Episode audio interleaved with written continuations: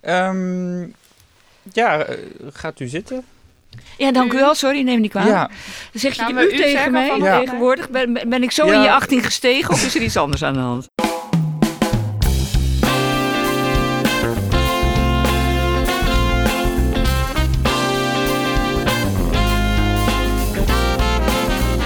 welkom bij Trace, je podcast en app voor je juiste dosis eh, onderzoeksverhalen. Vandaag weer een eh, nieuwe redactievergadering. Ehm, weer met Clary en Mijke. Hoi. Hallo. Hallo. Hallo. Tessa is er niet bij. Ze is op Nog vakantie. steeds niet, hè? Dat is een Nog lange steeds vakantie. niet. Maar ze was gisteren wel op 3FM, eh, bij 3 voor 12. Hè? Eh Mijke, je hebt een stukje geluisterd. Is het goed gedaan? Ze vertelde daar iets over haar eigen onderzoek. ja, het ging inderdaad over haar eigen onderzoek eh, over de MDMA, de sterkere ecstasypillen. En eh, dat deed ze heel goed. Dus En, ze- en hoezo, waarom en van waar dan? Want, want ze is dus op vakantie. Ja, ze zat daar omdat er een onderzoek is gedaan door Eén Vandaag eh, in samenwerking met ons om daar iets over te vertellen en over haar eigen onderzoek dus.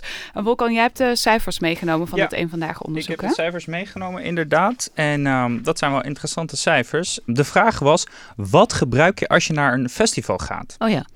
En we weten, de vorige keer hebben we het landelijk gemiddelde kunnen geven. Dat was 7% heeft ooit wel een keer ecstasy gebruikt. En als we deze cijfers erbij pakken, dan lezen we dat 21% van de jongeren die een festival bezoekt en deelneemt aan dit onderzoek, wel eens ecstasy slikt op een festival. ja. Dat is dat jongerenpanel van, eh Ja. Eén vandaag. Ja, Ja, ja. dus tussen de 18 18 en 34. Dus zijn of ruim duizend heel jongeren gevraagd. jongeren. ja, Wat andere cijfers. 86% eh, gebruikt alcohol op een festival.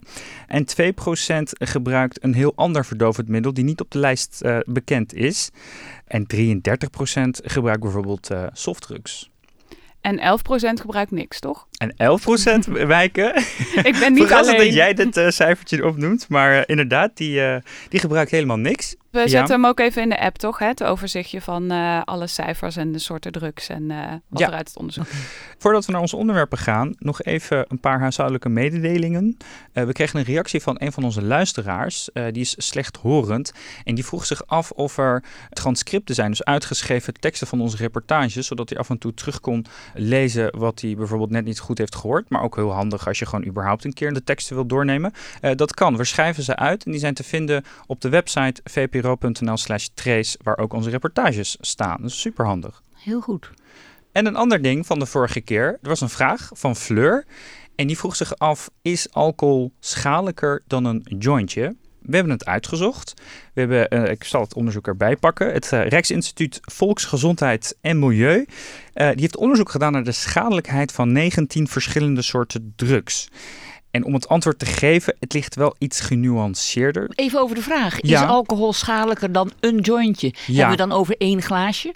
Wat, wat, wat is precies de vraag? Ja, wat het RIVM dus heeft gedaan, dat onderzoek wat Wolkan nu aanhaalt, is dat ze naar verschillende soorten schadelijkheid hebben gekeken. Ja. Naar een keer gebruiken, maar ook is het verslavingsgevoelig, wat doet het op Precies, de langere termijn. ja. En daar hebben Ja. ze een soort rangschikking in gemaakt. Precies, en daar staan sommige drugs in die wat schadelijker zijn dan andere. En de experts die zijn het erover eens dat legale drugs, zoals tabak en alcohol, schadelijker zijn dan sommige harddrugs.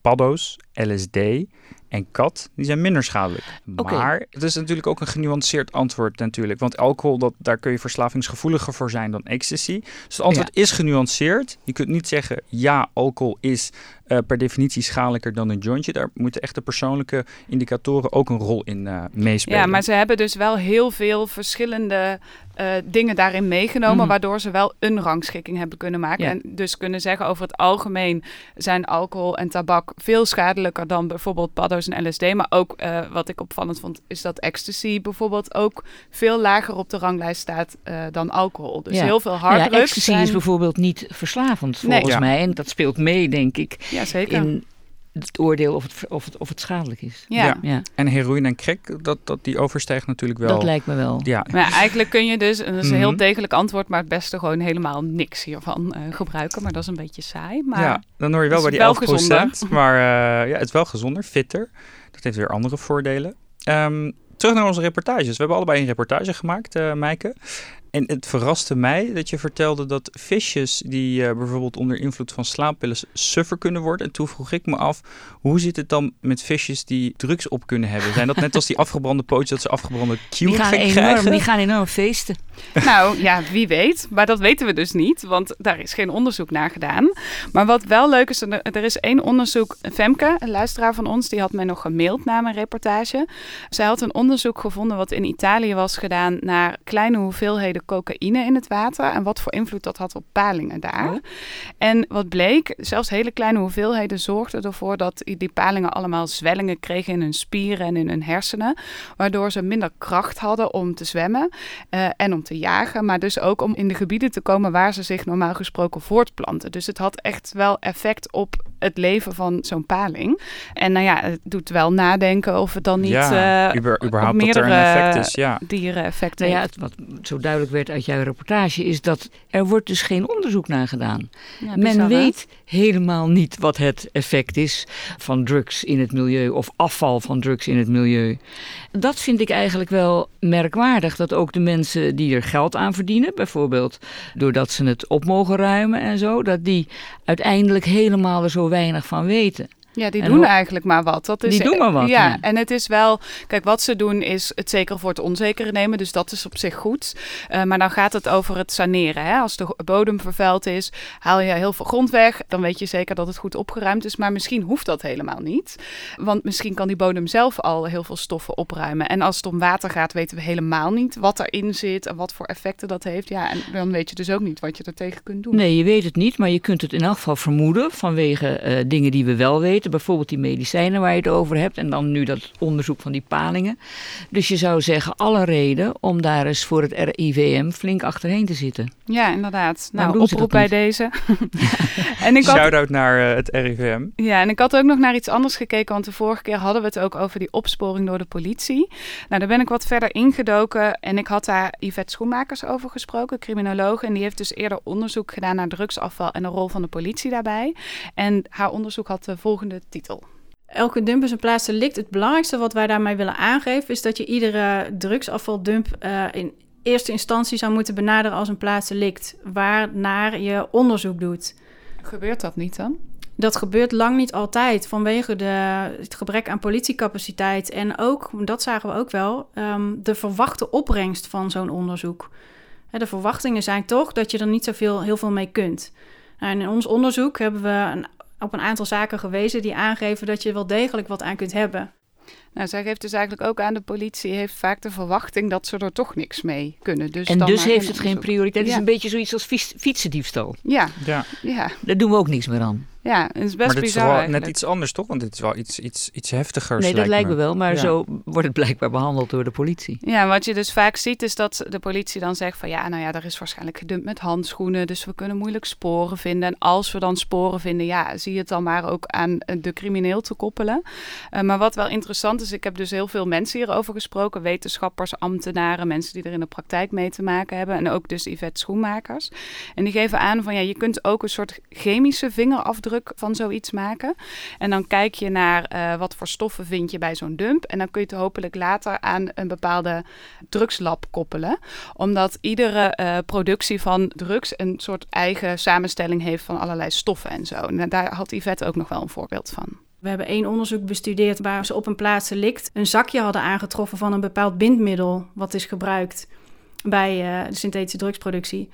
En dat zakje bindmiddel kwamen ze elders ook weer tegen. En op die manier hebben ze een koppeling kunnen leggen van die dumping naar productie. En uiteindelijk de hele achterliggende productie uh, in, in, beeld kunnen brengen. En dat begon allemaal bij één klein zakje bindmiddel, wat op een, op een plaats van de dumping was aangetroffen. Maar ja, dan moet je dus wel onderzoek doen. Op zo. Ja, ja het klinkt wel veelbelovend trouwens. Maar gebeurt het wel vaker dat ze op deze manier echt drugslaboratoria kunnen oprollen? Ja, alleen het probleem is dat het vaker niet gebeurt dan wel. Ja. Weet je, er spreekt een soort machteloosheid uit bij die politie. Waardoor ik meteen weer moet denken aan die oproep in de tijd van Akerboom. De, de, de het hoofd van de politie, ja. de baas. Die riep van, uh, jullie moeten ons helpen. En jullie moeten je realiseren wat er achter al deze dingen zit. Het is allemaal machteloosheid lijkt het wel.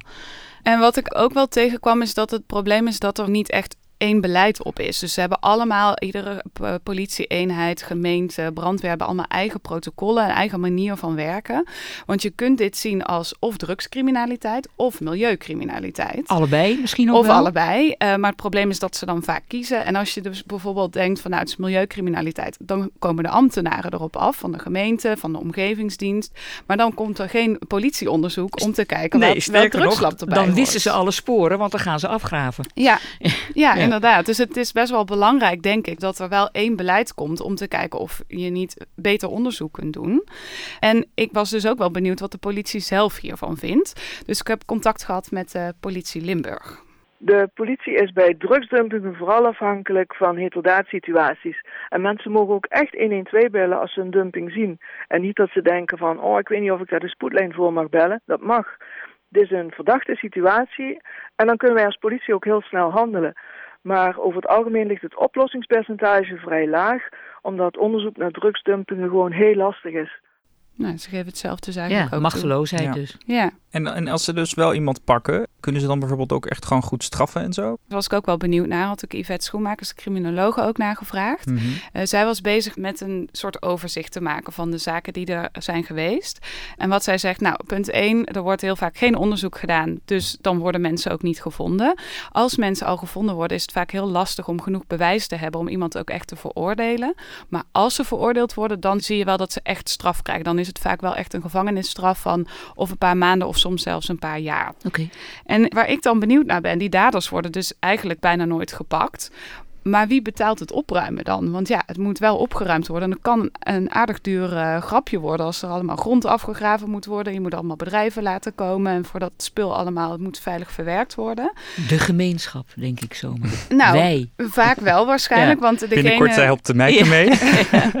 maar degene die uh, verantwoordelijk is, is degene op wiens grond het gedumpt wordt. Dus dat kan ook een boer zijn of een natuurbeheerder of de gemeente. En dan betalen wij als belastingbetaler natuurlijk. En daar is de laatste tijd nogal wat over te doen geweest. Dus het leek me wel een interessant onderwerp om uh, nog even een reportage aan te wijden de volgende keer. Dus daar ga Mooi, ik nog wat absoluut. verder induiken. Ja. Ik ben uh, heel benieuwd. Een kwart citroensap druppel.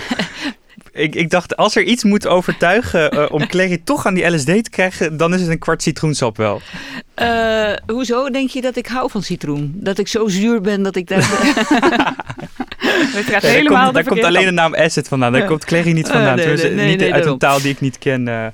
Ehm, nou ja, maar... Nou ja, weet je, ja. dat is zo, eh, in helemaal niet natuurlijk. Dat kwart druppeltje citroensap heeft mij Nee, niet over de ik streep weet- ik, getrokken. ik weet ja, dat plagen Clary. Maar, eh, maar ja, mensen gebruiken het dus wel, wat uit mijn reportage bleek, Ja. om dus de combinatie werk, om bijvoorbeeld uit je sleur te komen. Dus mijn hoofdvraag was van ja, lukt dat ook? Is het ook echt zo dat je beter kunt functioneren, structureel beter kunt functioneren door die LSD te gebruiken? En ik heb eigenlijk geen antwoord gekregen op die hoofdvraag.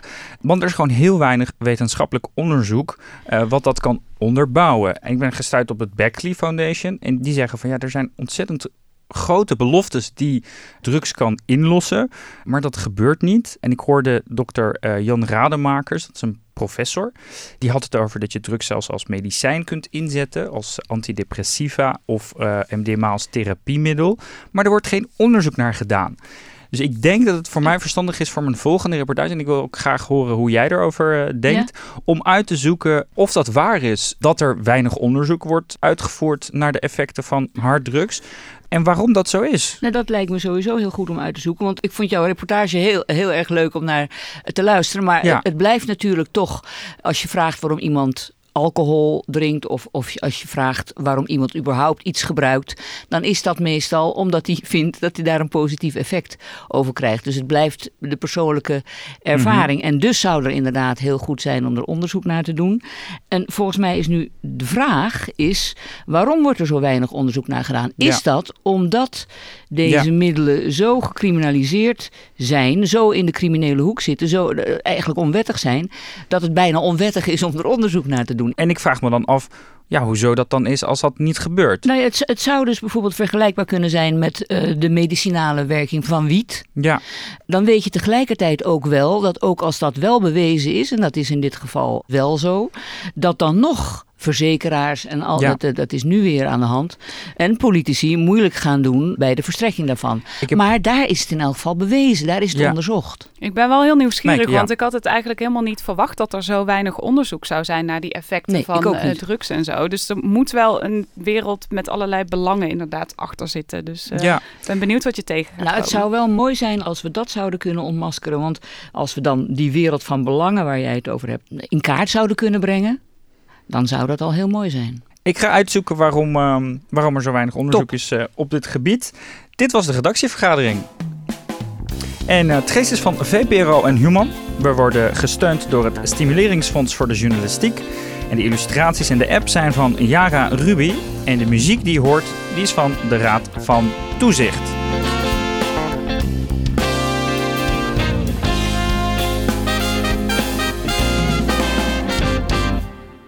En de shout-out deze week naar Michelle Salomons, onze Hoovercraft van de redactie, met een sterke voorliefde voor chocolade en cavia's.